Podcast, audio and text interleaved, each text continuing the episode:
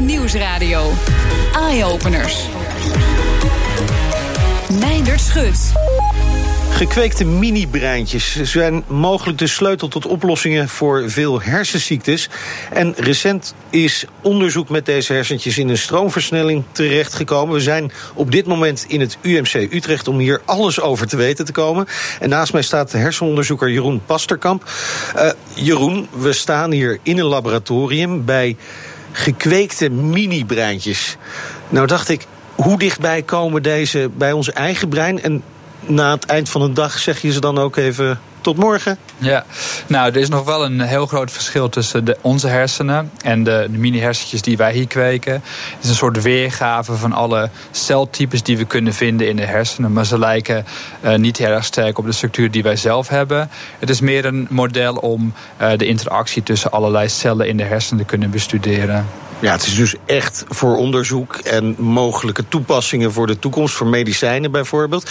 Uh, eerst maar even naar het begin. Hoe, hoe lang duurt het en wat is er voor nodig om deze mini-breintjes we blijven het zo toch maar even noemen, in die schaaltjes te krijgen? Ja, we beginnen eigenlijk altijd met uh, cellen van een uh, patiënt of een controle-individu. Dat kunnen cellen van de huid zijn, of haarcellen of bloedcellen. Het hoeft dus niet uit de hersenen te komen? Nee, dat is het grote voordeel van de technieken die nu voorhanden zijn. We kunnen dus cellen nemen van de buitenkant van het lichaam en die omzetten naar stamcellen. En die stamcellen kunnen vervolgens omzetten naar het hersenmateriaal, naar die mini-breintjes. Dus we hoeven niet meer de hersenen in om hersenmateriaal te, te krijgen. Nou, dat klinkt al een stuk aantrekkelijker. En, en, en wat gebeurt er dan met die mini-breintjes in die schaaltjes? Ja, wat, we, wat er eigenlijk gebeurt is dat we ze een, uh, een 3D-omgeving geven. Dus ook de omgeving die ze normaal hebben. Dus we kweken ze niet meer op de bodem van een schaaltje. Maar in een 3D-omgeving. In een soort uh, uh, ja, fles in het laboratorium. Daar draaien ze in rond. En dan geven ze alle groeifactoren in die omgeving. En dan kunnen ze eigenlijk zelf hersenmateriaal gaan maken. Dus daar is niet heel veel voor nodig. Gewoon er naar kijken en het gebeurt vanzelf eigenlijk. Ja, het is eigenlijk meer geduld hebben en, uh, en af en toe het medium verversen in die flessen en, uh, en dan gaan ze dat materiaal maken. Ja, we zagen ze ook. Hè. Het, het, is een paar millimeter groot, zo'n mini-breintje. En er zit af en toe een zwart stipje in. Wat is dat dan? Ja, het zwarte stipje is eigenlijk het uh, hersengedeelte van je oog. Dus in het oog zitten bijvoorbeeld die noemen wij retinal ganglion cells. Het zijn de cellen die het licht opvangen en uh, beelden kunnen vormen. En die worden ook gevormd af en toe op zijn organoïden. En dus krijg je eigenlijk een soort oog op je organoïden. Wauw, maar echt zien kan het niet, hè? Nou, het neemt wel licht waar. Dus als je er licht op schijnt, zie je activiteit. Maar je, je krijgt natuurlijk niet een, een, perceptie zoals wij als mensen hebben. Je krijgt geen, geen beelden in je hersenen of zo.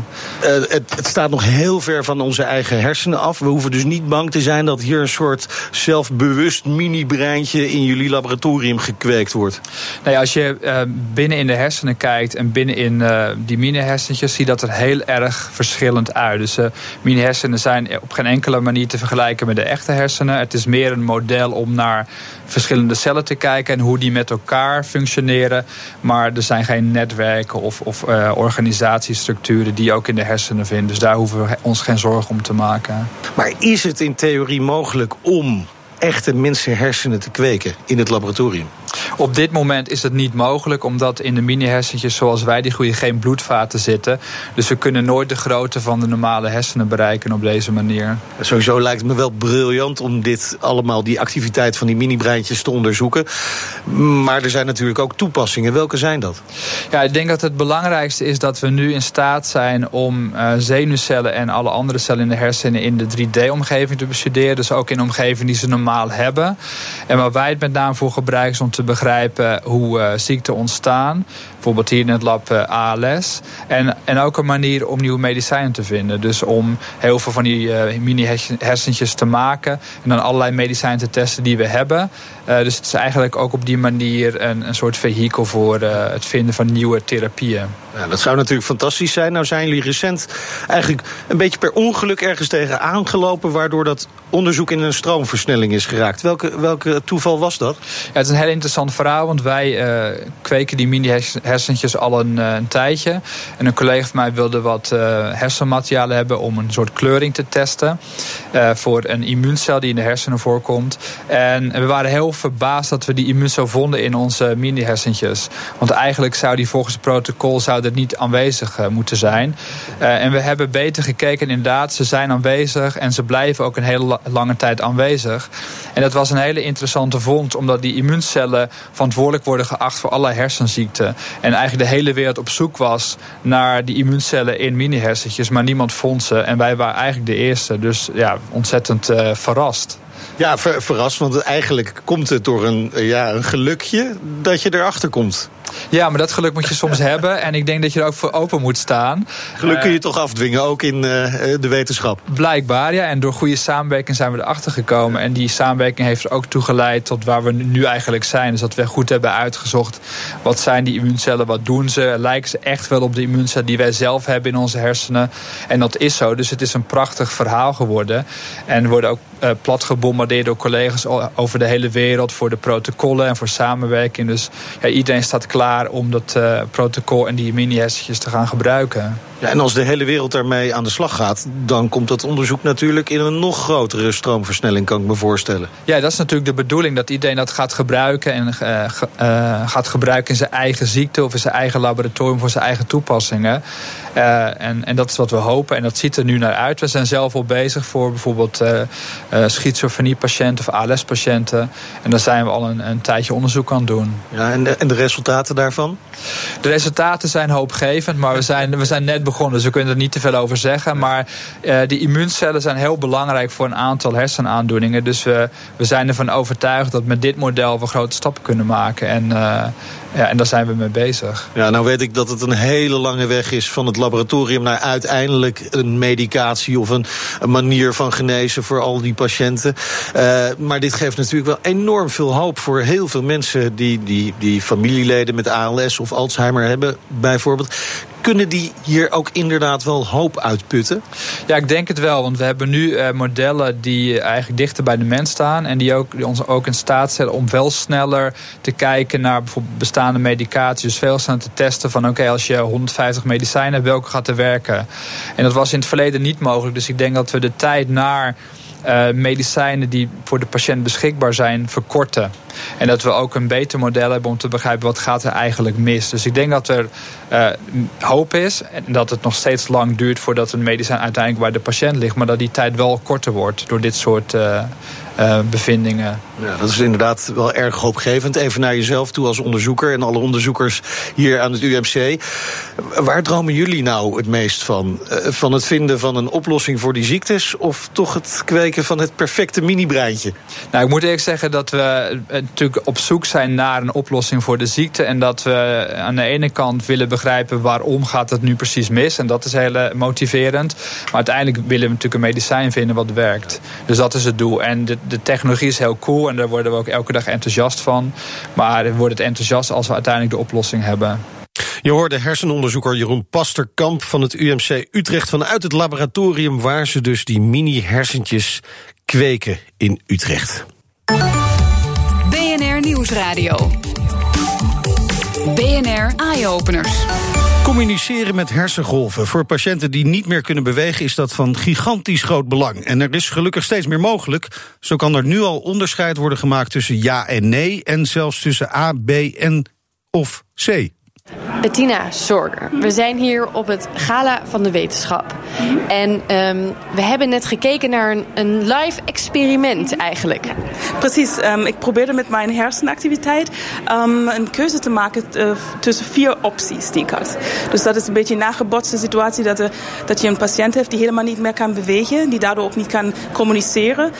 Om die persoon te laten communiceren met hulp van hersenactiviteit die die wel nog kan controleren bewust. Ja, dan hebben we het dus niet over chips of over uh, implantaten. Nee. Puur en alleen de ja. natuurlijke hersengolf. Ja, waar je wel een beetje nahelpt in die zin dat je um, een soort een code um, deelt met die persoon. Dat je zegt, kijk, voor A um, doe je de taak uh, die je moet uitvoeren, mentale taak, in deze tijdinterval. En voor die andere iets later. Dus je moet wel van tevoren overeenkomen uh, wat de bedoeling is. Een soort moordalfabet, Morse code.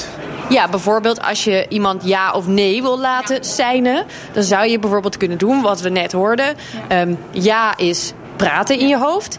En B is niet praten, maar bewegen in je hoofd. Maar alles in je hoofd. Precies, alles in je hoofd. En natuurlijk ja denken en nee denken zou ook in je hoofd zijn. Maar daar lukt het helaas niet voor ons om dat te kunnen onderscheiden. Dus je moet naar, naar een paradigma zoeken waar, waar je twee dingen die je kunt uitvoeren.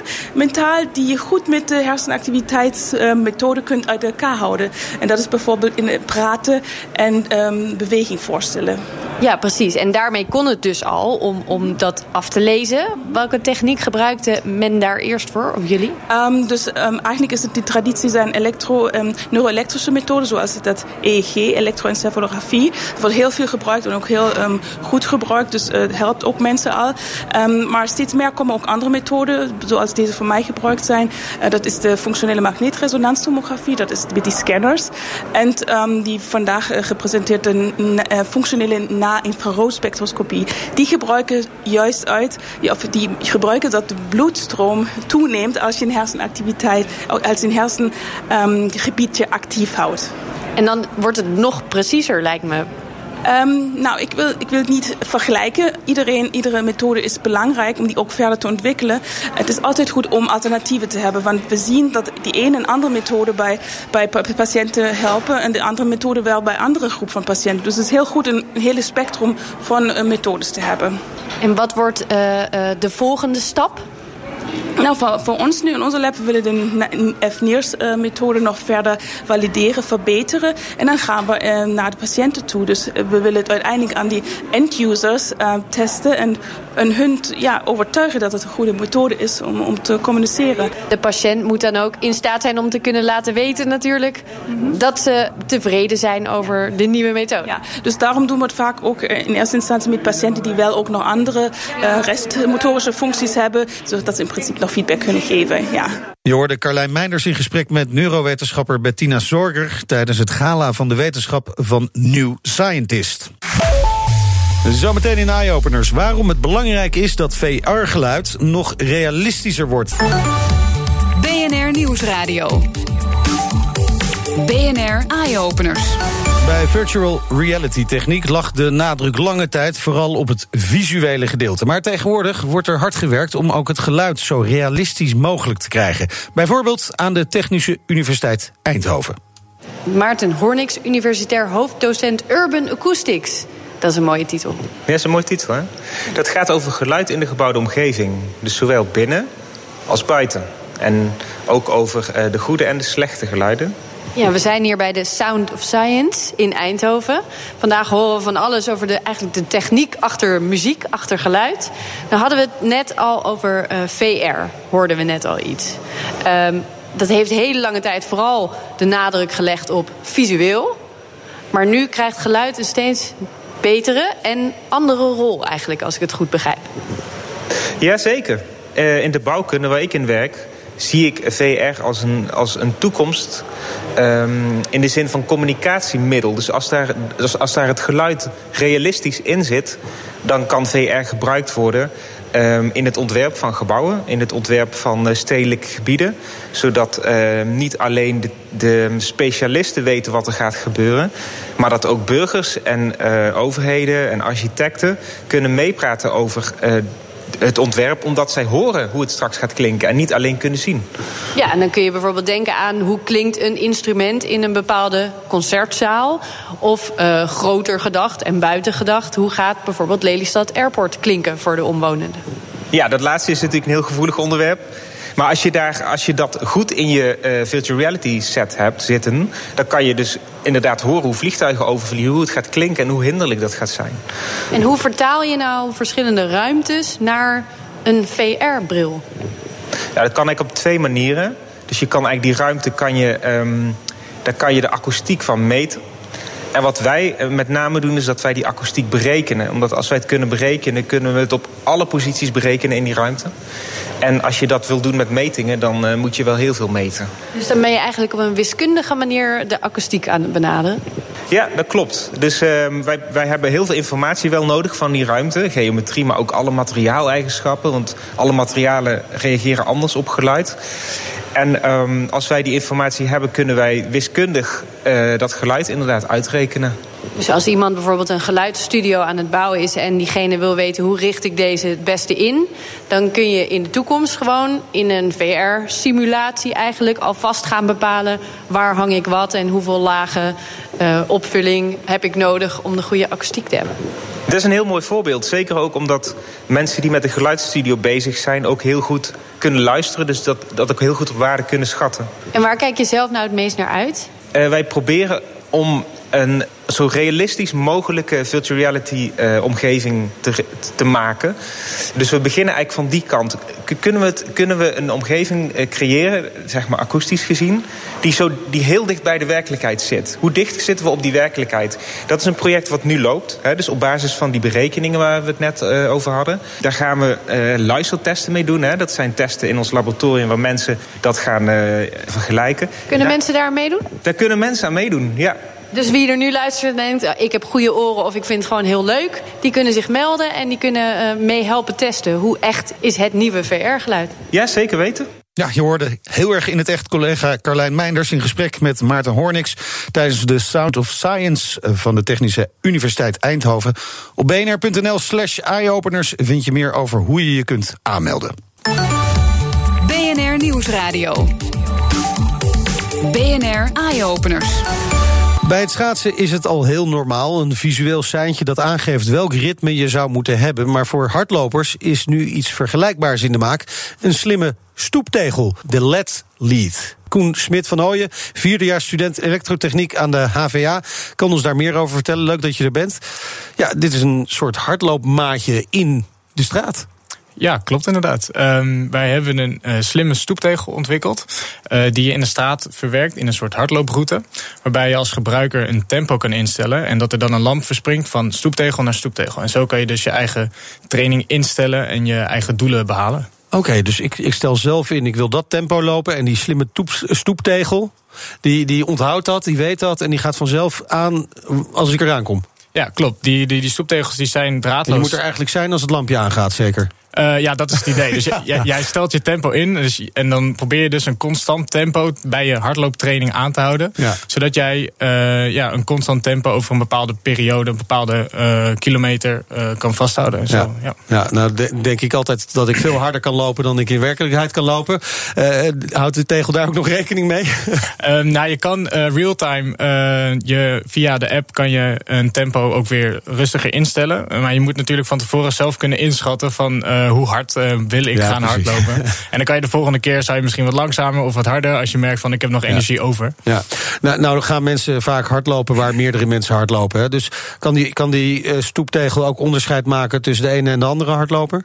Ja, het idee is dat je met de applicatie ook je eigen kleur-ID toegewezen krijgt. waardoor je dus meerdere mensen tegelijkertijd op een bepaalde route. Ja, ik claim BNR geel bij deze. Ja, dan is die kleur voor jou, ja, inderdaad. En dan ga ik met groen en dan kunnen we elkaar dus gewoon inhalen. Ja, en dan, en dan uh, zit je elkaar ook niet in de weg. Ja, ben ik bang dat die groene lampjes net iets sneller aangaan dan die gele lampjes. maar goed, uh, nou is jullie ontwerp uh, onderdeel van een groter project op de Zuidas. Hè? Wat is het doel van dat project? Nou, we zijn met de stadsdeel bij de Zuidas gekoppeld door middel van het Startup in Residence programma van de gemeente. en binnen dat programma worden sociaal-maatschappelijke problemen gekoppeld aan start-ups. Dus als start-ups kan je op aanmelden. En nou, het, het probleem waar wij op uh, hadden ingespeeld is iets wat zich afspeelt. Uh, nou, het is niet per se een probleem, meer een uitdaging. Ja. Is dat ze bij de Zuidas uh, willen ze na de kantooruren willen ze het gebied is levendig. hartstikke doodstand. Nou, het is niet dood. Er zijn en accountants die zijn allemaal weg naar hun huisje buiten Amsterdam. Ja, ja maar het verbaast je nog hoeveel mensen daar daadwerkelijk ook nog wonen. En wat er nog wel uh, voor heel veel leuke faciliteiten daar ook zijn qua barretjes en restaurantjes. Ja, ja, zeker. Dus, maar ze, ze, willen daar dus uh, het gebied levendig houden. En uh, dus daar hadden wij op ingespeeld. Dan kunnen wij sportieve mensen, jonge mensen daar naartoe brengen om, om daar dus te gaan sporten. En zo ook een beetje het sportgedeelte daar te gaan promoten. Dankjewel, Koen Smit van Ooyen. En heel veel succes met het ontwerp. Dankjewel. BNR Nieuwsradio. BNR Eye-Openers. Als je nou wilt weten of je lichaam een beetje een gezonde vetverhouding heeft, dan gebruiken de meeste mensen daar de BMI, de Body Mass Index, eh, voor om dit te berekenen.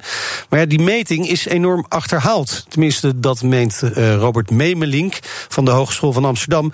Hij test technieken waarmee het wel goed waarmee we het wel goed kunnen meten. En Carlijn Meinders die ging bij hem langs. Mijn naam is Robert Memelink. Ik ben docent-onderzoeker bij de opleiding Voeding en Diëtetiek... Eh, bij de faculteit Bewegen, Sport en Voeding van de HVA. Robert, waarom sta ik hier in mijn badpak terwijl het buiten 10 graden is? Nou, we gaan vandaag bij jou een uh, meting doen van jouw vetpercentage. Je weet wel dat, dat uh, vaak wordt gekeken naar gewicht en BMI om uh, een gezondheidsrisico in te schatten.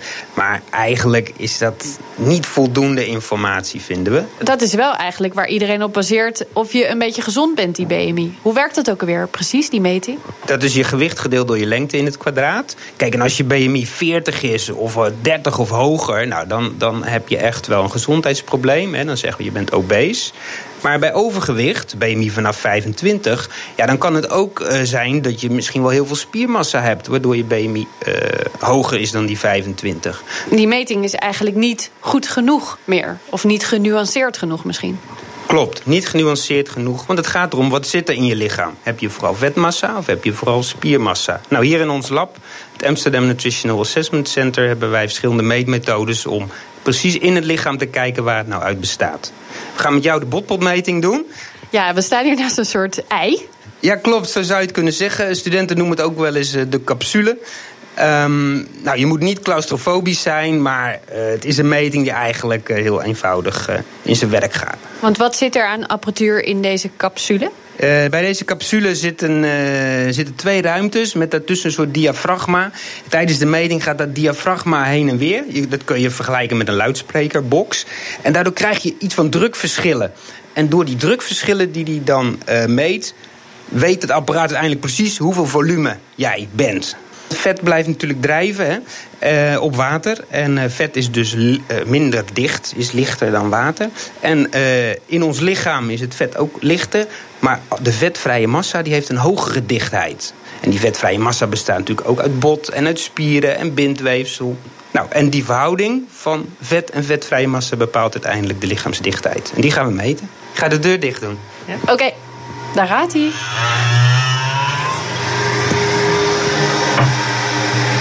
Ik hoor nu ook helemaal niks meer van wat er buiten dit ding gezegd wordt. En het voelt een beetje alsof je gaat landen in een vliegtuig. Een beetje druk op je oren, maar dan in een soort golfbeweging eigenlijk. Viel het mee, de meting? Ja, dit viel hartstikke mee. Ik okay. hoefde alleen maar stil te zitten. Dat, dat gaat wel, ja. Goed zo. Nou, we gaan kijken naar de uitslag. Ja, we zitten nu weer eventjes in ons gewone kleren. Moet ik me zorgen maken of was het allemaal wel oké? Okay? Nee hoor, je hebt een gezond vetpercentage. Oké, dus mijn lichaamssamenstelling is niet afwijkend. Oké, dat is goed om te weten. En voor mij is dit natuurlijk niet het allerbelangrijkste op dit moment. Maar dit kan wel voor mensen die af willen vallen of moeten vallen. En voor oudere mensen wat betekenen. Moet ik het dan voor me zien dat dit dat dit apparaat toch straks bij alle huisartsen gewoon moet staan. Hoe kunnen we zorgen dat deze meting nou dichter bij de gemiddelde mens komt? Ja, dan moeten we toch uh, kijken naar iets andere apparatuur. Die gebruiken we hier ook in het lab. Bijvoorbeeld een BIA-meting. Die apparatuur is wat goedkoper. Uh, mensen kennen dat misschien wel, een weegschaal met een stroompje. Uh, stroompje? Dat, ja, ja, een heel zwak stroompje dat dan door het hele lichaam gaat. De handen, voeten. Dat klinkt zo naar. Ja, dat klinkt naar. Daar voel je niks van. Kan ook geen kwaad? Nee, dat kan geen kwaad. Alleen het enige is dat mensen met een pacemaker of elektrisch implantaat... die mogen de, die meting niet ondergaan. Nee. Maar, maar dit is dus apparatuur wat wel bij elke huisarts zou kunnen staan?